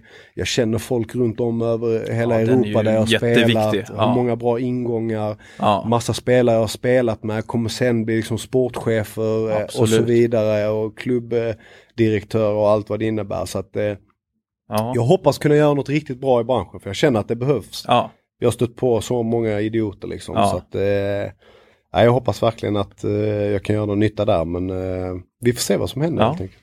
Ja. ja, då flyttar du till eh, Udine, Udine. 2011. Exakt, lilla lilla Uden är nordöstra Italien Ja. på gränsen till Slovenien nästan. Ja. Ja. Nej, Hur det- fan kändes det då från början liksom så här, från, eh, då hade du ändå, då var ju, till skillnad från när du flyttade från Lund till Helsingborg och var lite vilsen där, nu är det ett ännu större steg. Ja, det är ett ännu större steg, jag kan inte ett ord på italienska, jag Nej. visste inte ens att calcio betyder fotboll liksom. Jag hade inte en aning om någonting. Eh, men en av mina bästa vänner, Danilo Krishak, han flyttade med mig. Ja. Eh, en barndomsvän till mig, som även är din vän. ja, ja, ja, för En fan. gemensam Ja, vän. den är så sjuk att vi Ja, hittade är den här innan. Jätte, jättegalet alltså. Nej men så han, han flyttade med mig, det kändes ju helt sjukt alltså. Ja. Att bli proffs i Italien, liksom komma ner till, till Italien och bara ska börja spela fotboll där Ja. och man känner sig extremt speciell och så förväntansfull, eh, nervös, eh, allting på Ja. en och samma gång liksom. Så att eh, när man kom ner där, det var en helt annan kultur och Ja, vad, vad är det som skiljer rent, om, man, om man säger så här, en dag i Helsingborg ja. Kontra en dag i Udinese eh, verksamhet liksom, vad skilde? Vilka liksom, koder var man tvungen att följa i Italien som du inte hade en aning om liksom? Alltså det går inte att jämföra hur man tränar. Nej. Alltså liksom eh, eh, kapaciteten i hur man tränar. Alltså man, man tränar inte ens i Sverige jämfört med ja, det är Italien. så alltså? För mig var det liksom, det var dag och natt. Alltså man Ja. kommer ner där, jag var ju eh, Alltså jag var ju för dåligt tränad så att jag fick liksom första veckorna bara springa och eh, liksom bara pumpa upp flåset helt enkelt. Alltså ordentligt. Ja, Och sen så eh, eh, komma in eh, i, i träningen liksom. Så att eh, det är ju den stora skillnaden. Man är där, du vet, ah, man har liksom tio sjukgymnaster i Sverige, är man glad typ om klubben har en sjukgymnast. på som knappt- halvtid typ. Ja, på halvtid, vill knappt liksom eh, känna på dina ben om du Ja. har ont liksom. Där är det, jag kommer ihåg i Italien efter ett par veckor liksom så hade jag inte varit inne i sjukrummet utan jag bara liksom tränat på som vanligt som Ja. i Sverige liksom. Så kom en, en sjukgymnast, en naprapat till mig bara du, du följer med mig nu, du ska ha helkroppsmassage liksom. Ja. Och så bara tvingade han mig liksom att jag skulle liksom gå igenom alla muskelgrupper och vi liksom får liksom, Ja. det är viktigt där att man liksom jobbar med kroppen, allt runt omkring som man inte gör i Sverige. Ja. På samma sätt, det är klart det är bättre idag än vad det var då men men eh, det är fortfarande stor skillnad. Mm. Men det är kl- såklart så är det en resursfråga också. Ja, det är resurser, det- är kultur tänker jag. Att det är, Kultur, alltså resurs- fotbolls, eh, professionell fotboll i Italien har ju funnits Exakt, extremt mycket längre än vad den funnits i Sverige. Ja, liksom. Där går liksom Di Natale går bara in och lägger sig på britsen. Liksom. Ja. Man behöver inte ens säga liksom, utan bara gör detta, gör detta. Liksom. Det är en helt annan hierarki och Ja. sjukgymnaster i Sverige liksom bara nej jag vill inte göra det och eh, ska du bla bla bla bla. Där är det liksom bara gör det. Ja. Så det, sen är det på gott och ont liksom för det blir ju hierarki och det blir Ja. liksom en sån eh, eh, eh, ett sånt eh, vad ska man säga, miljö. Det Ja. blir en sån miljö Ja. där det blir väldigt sådär, eh, man hittar, får sina fack helt Ja, enkelt. precis.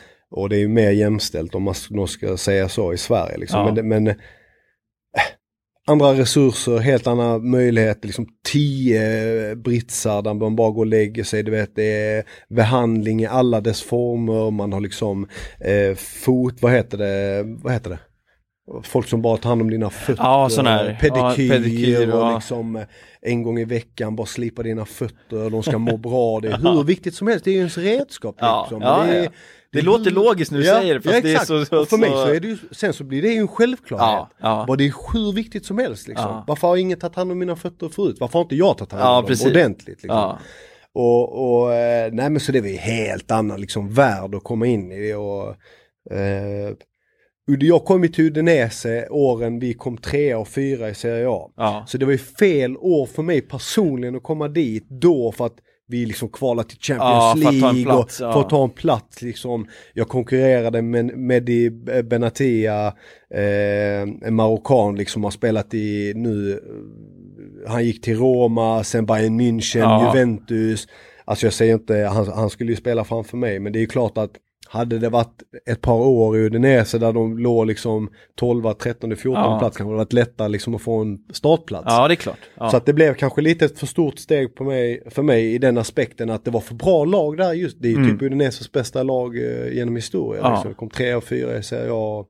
Spelare som Alexis Sanchez, Di Natale, Juan Cuadrado satt på bänken Ja. som liksom är storstjärna i Juventus Ja. nu. Dusan Basta, eh, Asamoah i Inter, Handanovic målvakt i Inter. Ja. Eh, eh, jag missar säkert eh, Maurizio Isla, jävla- liksom, Christian lag, alltså. Zapata, det var liksom sjukaste laget, Ja. alltså hur bra som helst. Så att, eh, men det var ju så lärorikt för mig Ja. liksom. Och, ja. Fantastiskt. Hur skiljer sig en, hade ni några unga spelare på träningarna? Jag tänker så här, hur skiljer sig en ung spelare i Italien kontra en ung spelare från Sverige? Alltså grejen är, Udinese är ju liksom en sån eh, riktig spelarfabrik egentligen. Man äger liksom eh, 100-150 spelare. Platsar du inte i truppen så blir du utlånad och sen kommer du tillbaka och sådär. Så att man har inga egentligen italienska unga spelare Nej. Till att börja med. Sen så har man kanske vissa megatalanger Ja. som kommer in som är, jag minns till exempel en som jag spelat många år med, Matej Vidra. Han är en tjeckisk spelare, han Ja. var ju, jag vet inte exakt nu, men kanske 3-4 år yngre än mig och jag kom dit när jag var 20-21. Han var ju liksom megatalang och då får ju han vara med och träna med A-laget Ja. och hela den biten. Men eh, jag Primavera-laget var liksom för sig själv så att eh, Ja, okej. vi- men du tänker du på unga spelare så som unga unga eller typ även, för i, i Sverige är man ju talang till man är Ja, 27 precis. liksom. precis. Det är Nej, man ju inte i där. ja. Jag tänkte mest om det var någon liksom hur man tog för sig i liksom omklädningsrummet. såna Nej grejer, nej men alltså det- du är ju liksom det var tyst och, Ja, och jobba hårt liksom. Ja. Det, det är inget sånt eh, du snackar emot liksom eh, de äldre. Nej, sånt, precis. som det kan vara i Sverige och så här. Ja. det, det är väldigt stor skillnad. Och återigen till den här hierarkin med att eh, alla ska ha sin plats och hela den biten. Och, Ja. ja. Mycket sådana eh, grejer liksom. Du lämnar inte matbordet förrän eh, dina taller bankar i bordet liksom. Ja. Alla får gå och liksom. Ja men det är mycket sånt liksom. Ja. Eh, på, på gott och ont. På gott och ont ja. Det, på ett sätt är det häftigt och på ett sätt är det så här förlegat liksom. Men... eh, Verkligen liksom. Det, men eh, just när det kommer till en lagidrott kan jag tycka det är liksom lite bra på ett sätt om, Mm. om man förstår det rätt nu vad jag menar. Mm. Det är klart det är förlegat på ett sätt men på ett sätt är det också bra för en ung spelare att komma in och se liksom Det är hur fungerar det, det är fostrande, ja. det är lite utbildande, man är liksom eh, lite kanske sådär försiktig i början men ändå tar för sig på träningarna men man Ja. går liksom inte runt och stojar och tror att man är någon, det blir liksom någon form av eh, Ja, det blir något lugn i, i ett omklädningsrum på Ja. något sätt. Så att, eh, men det är på gott och ont. Men jag, det är fantastiska år liksom. Ja. Jag, jag trivdes hur bra som helst där. Och, Hur länge är du i Udinese? jag är i Udinese i två år, två säsonger liksom. Ja. Och eh, sen så Sen så köper Gino Pozzo, ägaren i Udinese, så köper han Watford. Ja. FC som eh, nu spelar i Premier League men som då var i Championship Ja. i England. Så andra ligan i England och eh, helt enkelt börjat bygga ett projekt och börjat slussa spelare dit som Ja. fan liksom. Eh, så att eh, då blev man ju lite så, ja jag får inte så mycket speltid här. Eh, spelade mycket i Europa League och sådär. Ja. För vi spelar ju i Europa League. Eh, Eh, spelade faktiskt det här kvalet Champions League mot Arsenal som var en dröm för jag har alltid hållit på Just Arsenal det, när jag var liten ja, och så här. Så det var ju liksom mäktigt att få gå in mot, på Emirates mot Arsenal liksom. Jag tog gult kort efter typ 30 sekunder, en minut liksom. Bara hyvlade Shamak på kanten helt onödigt men var helt övertaggad liksom. Nej men alltså, ja. Nej men så köpte han Watford och eh, då började han skeppa dit spelare helt enkelt. För att de Ja. äger ju så många spelare. Så att då var vi liksom typ 20 spelare från Italien som blev eh, skickade dit. Jag bad dem att få åka dit. Ja, Eh, för jag tänkte det kan nog passa mig liksom. ja. Så gjorde jag det och eh, nej men och tog en ordinarie plats där framöver efter några veckor jag hade varit i Watford. Min, min bästa vän eh, Almen Abdi, som även är min bästa vän idag, en schweizare. En duktig spelare. Han, var, han gick dit före mig då från Udinese till Ja. Watford. Så han ringde ju mig mycket och bara kom hit, det är hur bra som helst. Du vet fantastiska läktare, fina Ja. planer, hela den här engelska. Det var ju tunga klubbar i Championship. Man tänker ju lite så, andra ligan vill Ja, man tänker att det är tjonga boll, men Exakt, det är men det, det är det inte. absolut inte liksom. Så att det är ju tunga klubbar i Championship och idag är det ju ännu bättre liksom. Det Ja. är ju det är fotboll på hög, hög nivå. Ja, Alltså det, jag ja. tror till och med typ det är den fjärde eller femte bäst betalda ligan i världen. Ja. Liksom. Den är så stark eh, ekonomiskt också. Så att, eh, Men just den där, den där skulle vara intressant att veta lite om. Eh, just ägarstrukturen, när Mm. det kommer till de, nu har ju du varit med i en ganska speciell kanske ägarstruktur som inte är 100% vanlig, med Mm, att man äger ja. flera stycken klubbar. Han äger Ja. ju någon mer klubb eller? han ägde ju Granada också i Spanien. precis. Men det, den har han sålt nu så han äger inte den.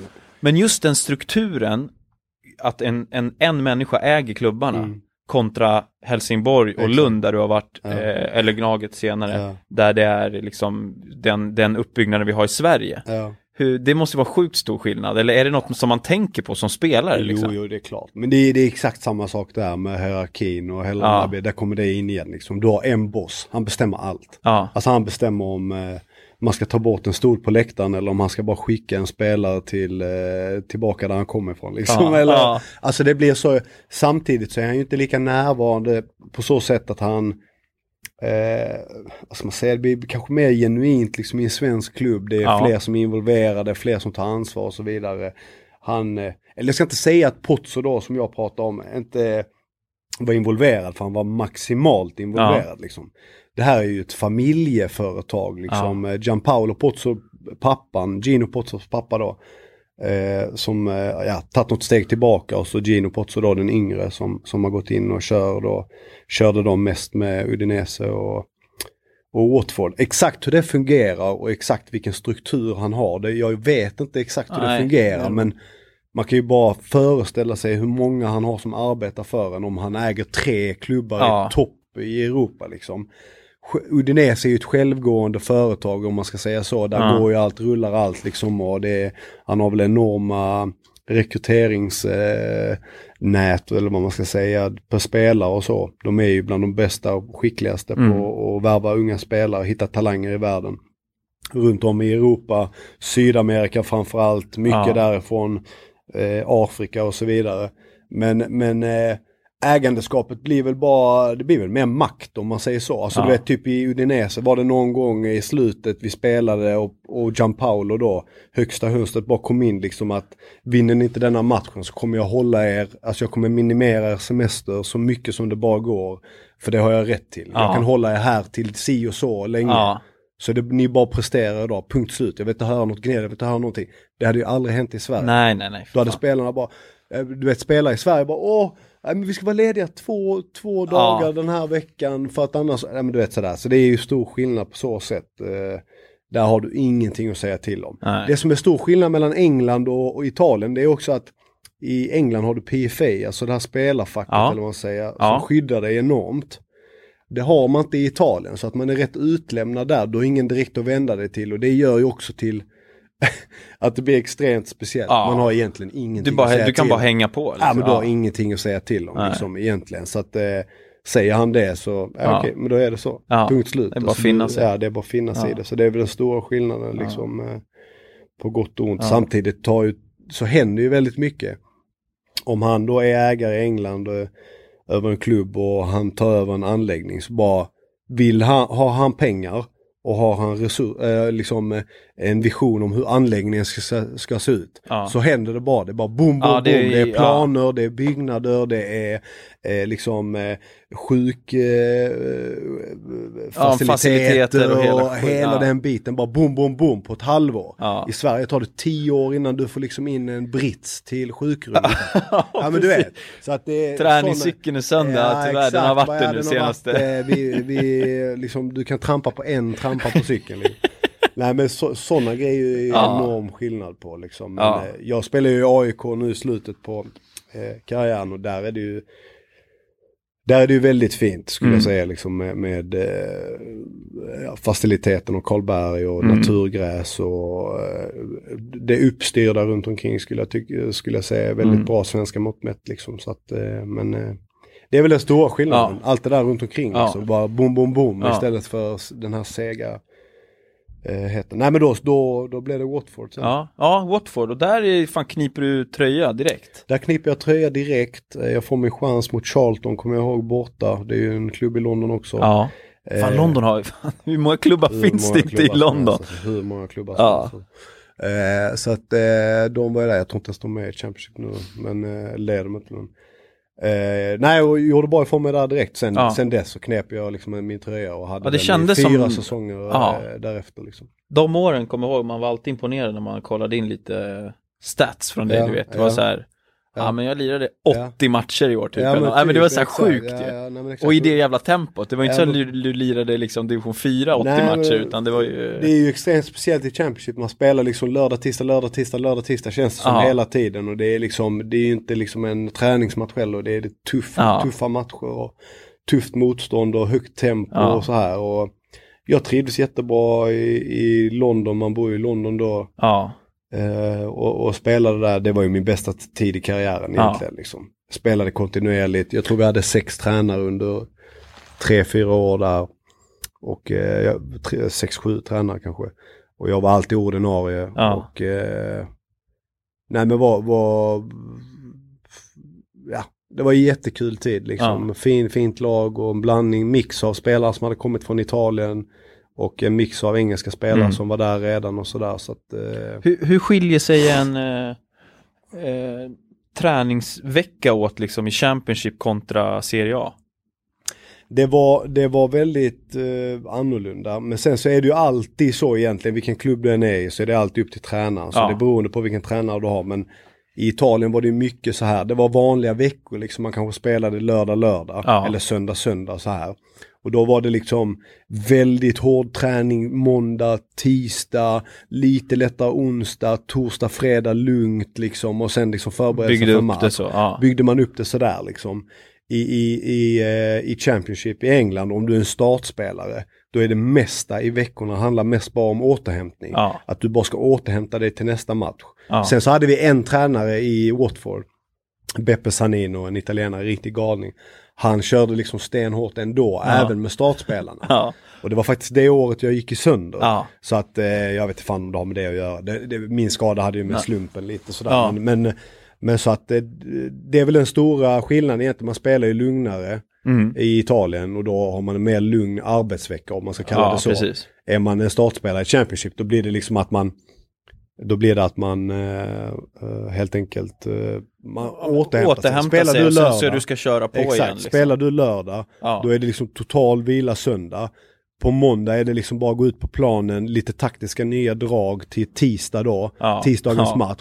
Och sen är du på det igen. Så du, du kan inte göra någonting. Och sen spelar du tisdag, total vila onsdag, kanske torsdag, du gör något litet, fredag något litet, sen är det ju match lördag igen. Ja. du spelar liksom. Det är, det är mycket återhämtning där. Alltså, Ja, liksom, det det förstår man ju. och det året vi gick upp till Premier League, alltså det tredje året, då hade vi extremt schema för vi hade ju lite den italienska mentaliteten i en engelsk klubb och då, Ja. då sov vi ofta på hotell innan match Innan, ja.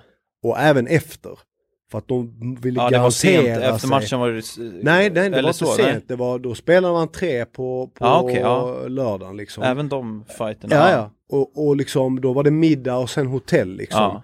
För att eh, liksom ägaren och liksom Ja. vill garantera sig att man liksom sover bra, du vet, om man är hemma med familjen, barnen skriker, man kan inte sova, man Ja. bråkar med frugan, man, man sover inte bra, man återhämtar inte Nej. sig. Och det är skitviktigt liksom. Ja. Men det blir ju jobbigt mentalt Ja. i längden. På tal om Så serier. Ja, exakt. Och filmer. Man matar hela, du vet, och inget kvar att se. Hela Nej. net, Netflix bara helt eh, kört. Nej men så att, eh, ja. Ja men den där, fan det är intressant. Den här då, du nämnde det själv lite innan med betalning. Eh, nu ska vi såklart inte snacka om siffror, det kommer jag inte begära av dig, men Mm. Serie A Mm, kontra Championship, ja. kontrakten generellt, tror Ja. du med din erfarenhet? Var tjänar du mest? Nej men du tjänar mer säger jag.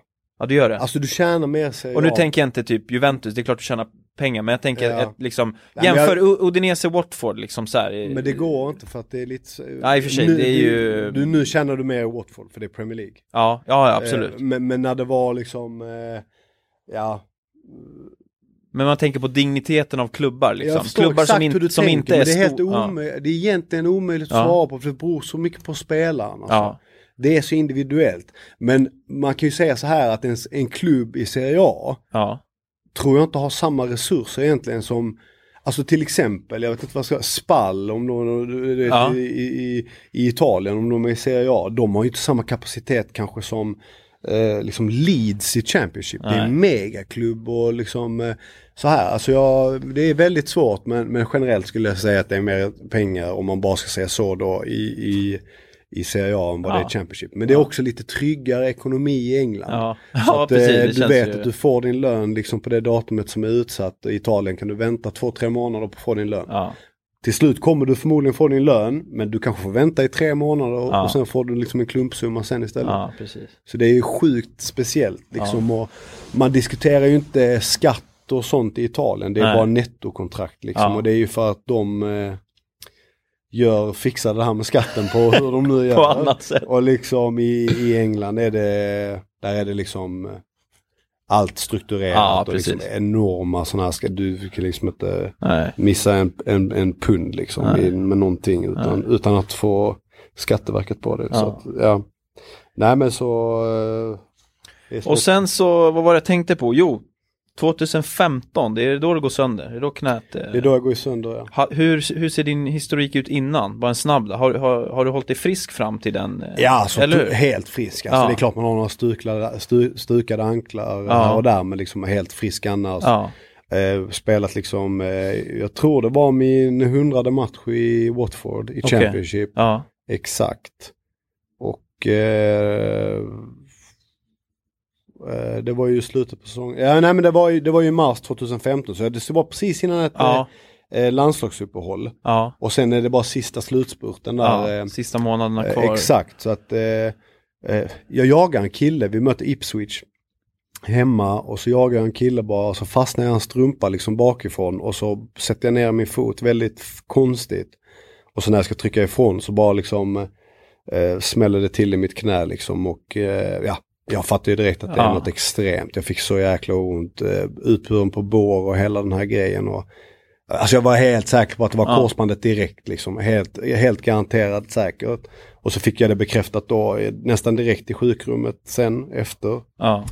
Problemet med min knäskada det är att i den här knäskadan så, så, så eh, eh, var det problematiska, alltså det är, jätte, det är jättejobbigt att ha en korsbandsskada.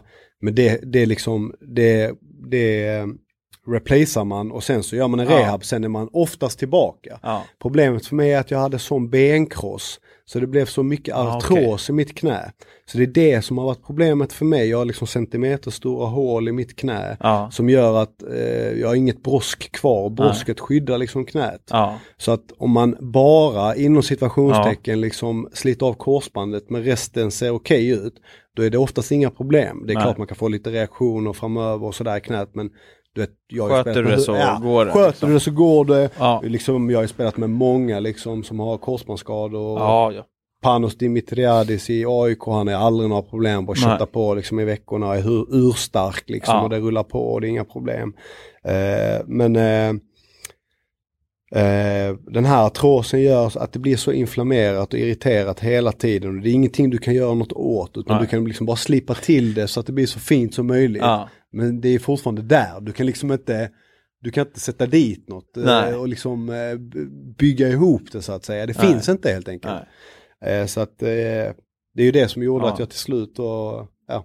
Ja, det var där, det var där det började. Det var där det började. Hela spiralen liksom. var där det För Då är började. du, Jag ni går upp på, nå- Vi går månader där. efter när du sitter med knät liksom, så går ni upp. Så går vi upp till Premier League, eh, alltid liksom frid och fröjd på den fronten Ja. liksom. Eh, Jag tror vi säkrar uppgång bara ett par matcher efter det liksom. Ja, Och sen så eh, går vi upp till Premier League eh, och då nästa säsong då så är jag ju med men då rehabar jag ju typ hela året. ja, Eh, och då sitter jag på ett utgående kontrakt. ja just det, eh, det går ut där ja. Det går ut där. Eh, ja. En ko- kort version av det hela blir Ja. ju att jag rehabbar, jag är med Kiki Sansis Flora som är tränare och det. gillar mig jättemycket. Men liksom eh, det blir också ett svårt, det blir en svår startsträcka att liksom börja spela i Premier League direkt när man, eh, jag vet inte var jag står. Jag, ja. jag, För du tar dig tillbaka och det känns Ja. okej typ. Eller? Det känns okej, jag ville intala mig att det var okej, Ja, okej. men det var nog inte okej. Nej. Om jag ska vara helt blankt ärlig nu, utan jag hade jättemycket problem med mitt knä redan då. Ja. Eh, vi för dialog med Gino Pozzo, ägaren då, han erbjuder mig kontrakt, jag känner inte att det liksom eh, är rätt för mig så jag tittar åt andra hållet. Till slut så bestämmer jag för mig för att gå till Bristol City Championship som Ja. har en jättefin framtid och vision framför sig. Fina Och det gör du när kontraktet har gått ut där. Ja. Som, Så jag går som sommar Bosna. 16 går du Bos Ja. eller Bosman, Boston Ja. tänkte jag säga. Bosman Boston till, till, eh, till Bristol ja. Ja, till Bristol så går jag dit och eh, börjar där helt enkelt. Men jag kommer aldrig igång där. Nej. Utan knät är så dåligt hela tiden så att det, det går liksom inte. Ja. Jag, eh, jag kan knappt träna minns jag liksom. Ja. Och hade så ont Hur, fan, hur mår du då? Är, är det, alltså. Du mår dåligt? Ja, jag mår så dåligt. Och när du då, kommer alltså. till anläggningen, är det liksom Ekstrand Det professionell? ångest. Du, du har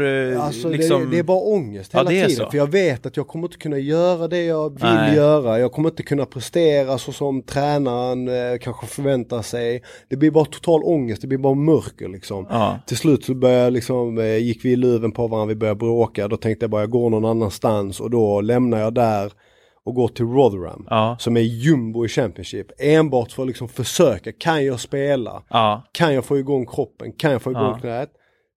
Första matchen jag gör mot, jag minns inte vilka det var mot, det var mot Cardiff City borta. Första matchen jag gör, gör jag typ 70 minuter men efter typ, jag tror det var första halvlek någon gång, känner jag bara det här är någonting som inte stämmer. ja. Åker och röntgade efter den matchen, måste operera mig igen. Och då bara liksom, då lämnar jag Rotherham. Ja. Så jag är där, jag är i Rotherham bokstavligt talat i två, tre veckor typ. ja, det är så. Ja, ja. Ja. Är där i två veckor, tränar, spelar en match, boom, operation. Tillbaka till Watford, till min sjukgymnast i Watford. Ja. Till London. Bor där, rehabbar, försöker få igång knät.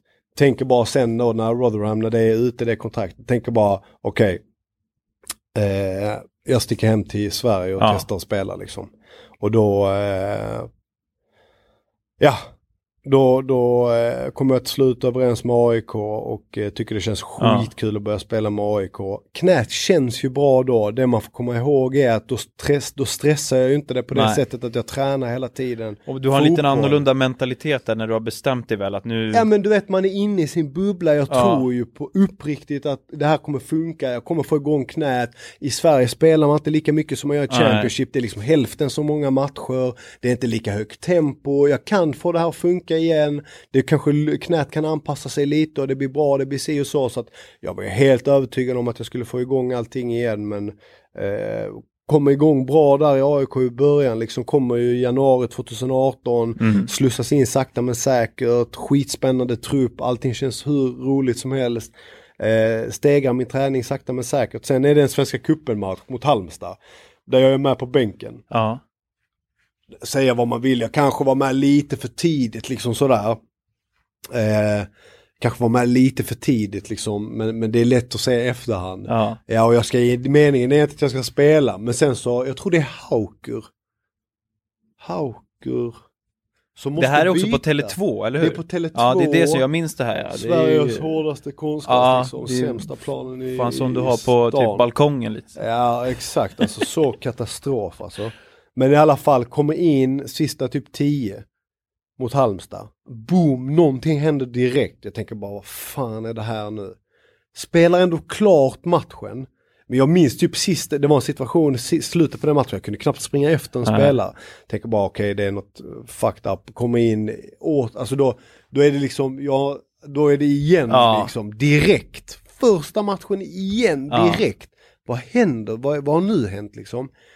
Och jag bara, jag kommer ihåg jag låg på britsen där nere på Tele2, jag bara gråter, jag fattar att det är någonting, jag bara tänker nu pallar jag inte, alltså jag orkar inte mer nu. Nu går det inte liksom, jag, fan, typ är det korsbandet igen tänker jag Ja. då. Men då var det ju brosk och massa som slitage som gör att eh, man kan, allt bara sväller och det går liksom inte ens att röra knät typ och så vidare. Ja.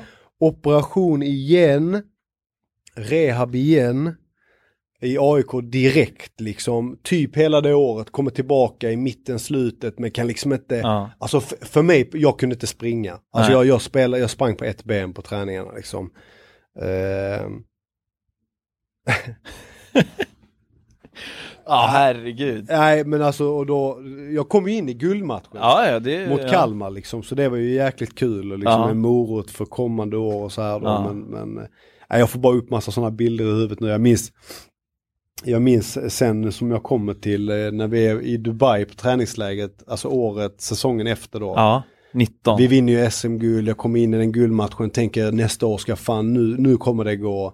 Och så är, jag, eh, är vi i Dubai då kommande säsong och bygger upp oss och någonting bara händer i knät. Jag skött min rehab liksom och min eh, off-season träning. Alltså, Ja.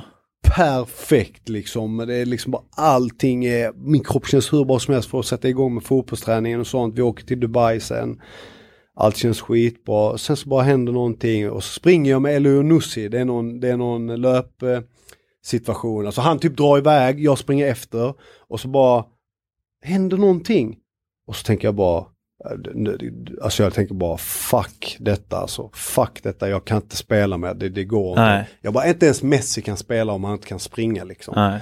Så jag bara går in i omklädningsrummet, slänger av mina kläder, säger till Jurelius liksom bara detta går inte, typ bla bla bla bla. Sen så liksom, ja, ger jag, eh, sen så bara är det operation igen, Ja. alltså fjärde gången liksom och jag har inte ens spelat typ en match på fyra år. Jag tänker bara, Ja. fan, eh, det, det Hur, går. hur klarar du det här mentalt? Vem, Nej, alltså- ve- vem snackar du med? Vem, eh, vem bollar du grejer med liksom? Alltså, med alltså- tanke på, om man ska nu gå tillbaka till, Ja, nej, hade alltså- du haft dig själv som agent i det läget, kanske man hade kunnat ha en, Exakt. en professionell bo- bollning där liksom kring Ja, de här nej, grejerna, eller Jag har hur? snackat med min agent någonting, alltså jag bollar med min familj, min flickvän, alltså liksom min flick, det är så mörk, mörk period på det sättet att Ja. eh, man vet inte, det finns liksom ingen att snacka med egentligen. Alltså jag, sån är jag lite liksom. Jag testade att prata med en del psykologer som kunde kick-ass coaches, bla bla bla. Ja. bla, bla. Du vet alltså, de, de, de, för mig, det är ingenting, det kan funka för jättemånga. Men för mig funkar det aldrig, för jag känner inte att de kan inte sätta sig in i Nej, vad jag nej, gör. nej. Eller vad jag går igenom eller liksom sådär. Sen såklart man kan få lite tips och råd och sånt Ja. att det kan funka för stunden men det du vet man pratar med familj, vänner och sånt där. Det är det som är det liksom viktigaste, var det viktigaste för mig. Det, till slut blev det som, eh, alltså man- bara kände liksom det, det, det går inte. Och, och sen så liksom gick man in i mitt knä i oktober tror jag det var. Testade rehab bara för att få igång det igen en sista gång, gick inte. Mm. Sen så gick jag in eh, i knät tillsammans med landslagsläkaren, jag kommer inte ihåg vad han heter, och eh, Carol Sytter, AIKs läkare. Då sa de liksom bara du kan inte spela med. Nej. För att du ska kunna gå i framtiden. Ja, typ artrosen så. är för Ja. grov, alltså jag har liksom problem att gå i trappor, i, liksom, jag, kan inte, jag kan inte gå promenader, jag får ont liksom hela Ja. tiden, det är liksom inte värt det, det går inte helt enkelt. Då har jag krigat i typ fem år. Ja, precis. Så då, då, och inte gjort en match liksom, Nej. på fem år. Så att för mig personligen så slutade jag spela fotboll när jag precis hade fyllt 26. Ja, Alltså jag fyllde 26 i, i februari 2015. ja. Månaden efter eh, Så så, hände så, det så, där. hände det där i, Ja. i Championship. Sen dess spelade inte jag fotboll. Nej. Alltså jag var aldrig mig själv liksom ens 50% eh, lik efter Nej. det. Liksom. Jag kunde kanske ha någon bra träning någon gång där det kändes 70% okej liksom. Ja. Men, men, men inte mer än så alltså. Nej. Men när man var i det så trodde man ju på sig själv och man trodde Såklart. att det skulle Ja. funka, man trodde att man skulle få igång det, man tänkte andra har ju haft sådana här skador. Ja. Man tänker, ska jag behöva sluta 2019, 2000? ja.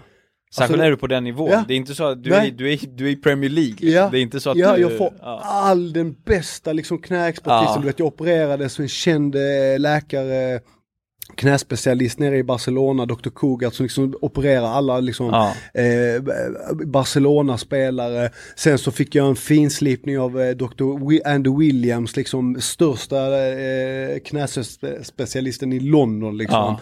Alltså man, jag, jag tänkte bara jag kan inte få bättre hjälp. Nej, liksom. Så precis. besökt alla olika kliniker, sjukgymnaster, liksom, det, jag bara till slut, det går inte Nej. liksom. Det, Ja. Och ibland går det bara inte. Ibland, Nej. ibland Nej, nej, så är det ju. Alla- ibland ja. finns det ingenting att göra liksom. Så att, eh, ja. Men, men en reflektion på det här då. Eh, du, du, du är liksom, du har ju levt fotboll Ja. sen du eh, liksom började i Lund, sen du var nio år gammal typ liksom. Du Ja. har levt sport, levt fotboll. Eh, kan du någon gång känna att du skulle ha tänkt på att kanske utbilda dig eller få någon chans att knyta kontakter med någon utanför den här fotbollsbubblan för att kunna, för det händer ju faktiskt, det är fler än dig som har varit tvungen att sluta, Ja. liksom att så här, okej Ja. jag är skadad, jag kan inte spela mer. Exakt. Och, och, det, och det är det jag har Ja. använt också mycket, du vet när vi pratar om det här när jag mått dåligt mentalt, Ja. ja. att jobbigt hit det är mycket det jag har använt mig av. Det här hade kunnat hända när jag var 18. Ja, Och jag aldrig ens fick komma ut och se någonting Nej. som jag fick se ändå. ja, Utan det hände när jag var 26. Och liksom det hade kunnat hända när jag var 18, jag hade fått sluta direkt liksom. Och, Ja. och liksom jag har aldrig fått uppleva alla de Ja. sakerna som jag har fått uppleva. Ja. Och det, det brukar jag ta med mig när jag tycker det är jobbigt och jag blir deppig och tänker på de här grejerna och jag blir förbannad och arg som fan. Att det är någonting jag kan ta med mig. Men eh, tillbaka till din fråga, så min mamma var ju mycket sådär, försök göra klart skolan så du har du vet Ja. gymnasiet, för jag hann inte. nej nej. Eh, liksom och, och det är klart att nu i efterhand, en sak jag verkligen ångrar, det är att jag inte använde typ Instagram och sånt här för att jag, det har aldrig varit min grej, det Nej. har inte varit min show att hålla på liksom och lägga ut bilder och bla bla bla och följare och hit och dit. Men det hade kunnat vara ett stort verktyg idag för att liksom by- knyta kontakter. Bygga det varumärket Bygga kring dig liksom. Ja. varumärke, jag hade verkligen kunnat använda det idag. Liksom. Det kan vara, hade kunnat vara privata samarbeten, det hade Ja, kunnat vara ja. samarbeten i företag som jag ansluter mig till och så vidare. Så det är, det är en sån det är en sån typisk grej jag gör bara, nej jag ska inte ha Instagram Nej. och sånt och bla bla bla, så som jag tänkte, som jag idag ångrar. Ja. Men liksom utbilda mig, det är lätt för mig att säga bara, ja, jag hade kunnat, varför Ja. gick jag inte några kurser här och där och sånt, men jag, jag, det, det, det, helt, det var, för mig personligen var det helt omöjligt. Ja. Alltså jag Tror var så inne det- i fotbollen liksom att Ja. eh, det gick Och inte. det är många som är det, de flesta är ju det. Ja. Alltså eftersom Ja. det är den kulturen i omklädningsrummet och allting. Ja. Tror du att om, om, det, om rätt människa kommer in och eh, liksom pointar det här att så här, grabbar, jag vet att ni tjänar säg, säg att du är ung i AIK eller någonting Ja, och du tjänar ja. 30-35 tusen. Ja. Ja, du lever bra, du lever hemma, du, du, har, du har lite pengar på fickan liksom. ja. Vad, fan ska jag utbilda mig för? exakt. Men komma med ett exempel att, ja men det kan gå så här, det kan gå så här. Nej, jag tror inte någon lyssnar. Det, det är ingen som Jag är- lyssnar. jag Jag är också helt- av den uppfattningen faktiskt. Jag har svårt att tro. Ärlig. Alltså, jag tror, eh, alltså liksom en, en av hundra kanske lyssnar lite, Ja. men sen blir det inget med den heller. Nej. Alltså man är så enormt fokuserad och inne i den världen att man ska bara lyckas, man är så nära nu. Man tänker också att jag kan inte hålla på och fokusera på att Nej. utbilda mig för att då kanske Det jag förlorar lite splittra, fokus ja. från eh, min fotbolls... Eh, eh, man måste vara så otroligt inne i det. Mm. Och många som, eh, många som kanske inte förstår sig på fotboll och tänker att oh, man går och tränar en och en halv, två timmar om dagen. Det är att det är så mycket mental förberedelse Ja. hela tiden. Att det kanske är en match om fyra dagar, men du redan nu håller du på att bearbeta det. Ja. Att du, det tar energi från dig kanske tre, fyra dagar innan. Ja. Enormt mycket energi. Ja. Det är en uppladdning innan, det är så mycket innan. Så att det hade varit optimalt, men de flesta tänker, och även jag själv tänkte att jag lägger det åt sidan nu. Ja. Jag ger det här 100% en chans. Skulle någonting hända när jag är whatever, 19, 21, 24, 27, då tar jag det då. Mm. Jag kommer alltid kunna plugga, jag kommer alltid kunna Ja. liksom, förstår du vad jag menar? Ja. Men det här är once in a life eh, Ja, så möjlighet. Så jag tror alla eh, resonerar så, tyvärr, för att man har ju rent liksom så, eh, så har man ju tid till. Jag vet Ja. Per Karlsson har läst ett par kurser Ja. så och, och det är ju skitimponerande tycker jag. Jäkligt bra liksom så förbereder man Ja. sig lite. Har lite olika spår och inriktningar den dagen man slutar. Ja. När det nu kommer, vilket man inte alltid vet och så vidare. Så att, eh, men eh, Nej men det tror jag, jag tror, jag är inne lite på samma spår som dig. Jag vill, jag vill tro, och jag tror att det hade varit bra för de flesta. Ja. Till och med att kanske splittra tankarna lite gång, alltså ja, ja, 100%. ett par timmar per dag. Men Absolut. att det är, det är svårt att nå ja, det, eh, det- många det- liksom det- i ett omklädningsrum där Det är många ja. för att eh, man ska ju inte dra alla över en kam för det så är det absolut inte. Men många har också en viss mentalitet som, som är i de där omklädningsrummen. Och då är det liksom ofta det här liksom att de eh, Ja men man, som jag sa, liksom, man tänker att man gör det sen och men jag är med i 100% Ja. och nu när jag zoomar ut efter så tänkte jag varför läste jag inte lite där? Jag hade Ja, kunnat läsa precis. lite där och bara fokusera på något Ja. annat. Det kan ju vara positivt också. Ja. Det behöver Ja. inte vara negativt att man tänker på lite annat utan det Nej. kan ju vara positivt Ja. att man, ja men du vet så, man läser lite där, man går någon kurs där, så Mm. man fokuserar lite på annat, man kopplar bort det här fotboll tänket Ja, hela precis, tiden, lite liksom. grann. Ja. Så att, ja men det, det är spännande Ja. och det finns säkert mycket man kan göra där liksom. Ja. Mm. Hos klubbar och så vidare. För att avrunda lite då, du är numera alltså förmedlare, agent, vad man nu ska kalla det. Eh, och det låter som du har sunda, alltså en sund ingång i det tycker jag. Ja. Alltså det känns, eh, det, det tycker jag verkligen att det låter, det kan jag ärligt säga. Ja. Vad tror du att du måste utveckla liksom, för att kunna ta steg i, inom den branschen? Eh, det, det man måste utveckla, eller det jag tror jag måste utveckla, det, det är det här att på- på ett sätt så säljer man sig själv. Mm. Man säljer liksom sin bild av hur man har haft det, hur man vill att det ska bli för sin klient eller spelare eller vad man eh, nu vill kalla det. Och, och där är ju jag väldigt rookie och nybörjare. Ja. Sitta ner på möten med föräldrar, verkligen få dem att förstå att jag genuint vill dem väl, att jag liksom, eh, alltså liksom, det har ju mycket att göra med kemi, Mm. personlighet, att, att eh, hela den här biten.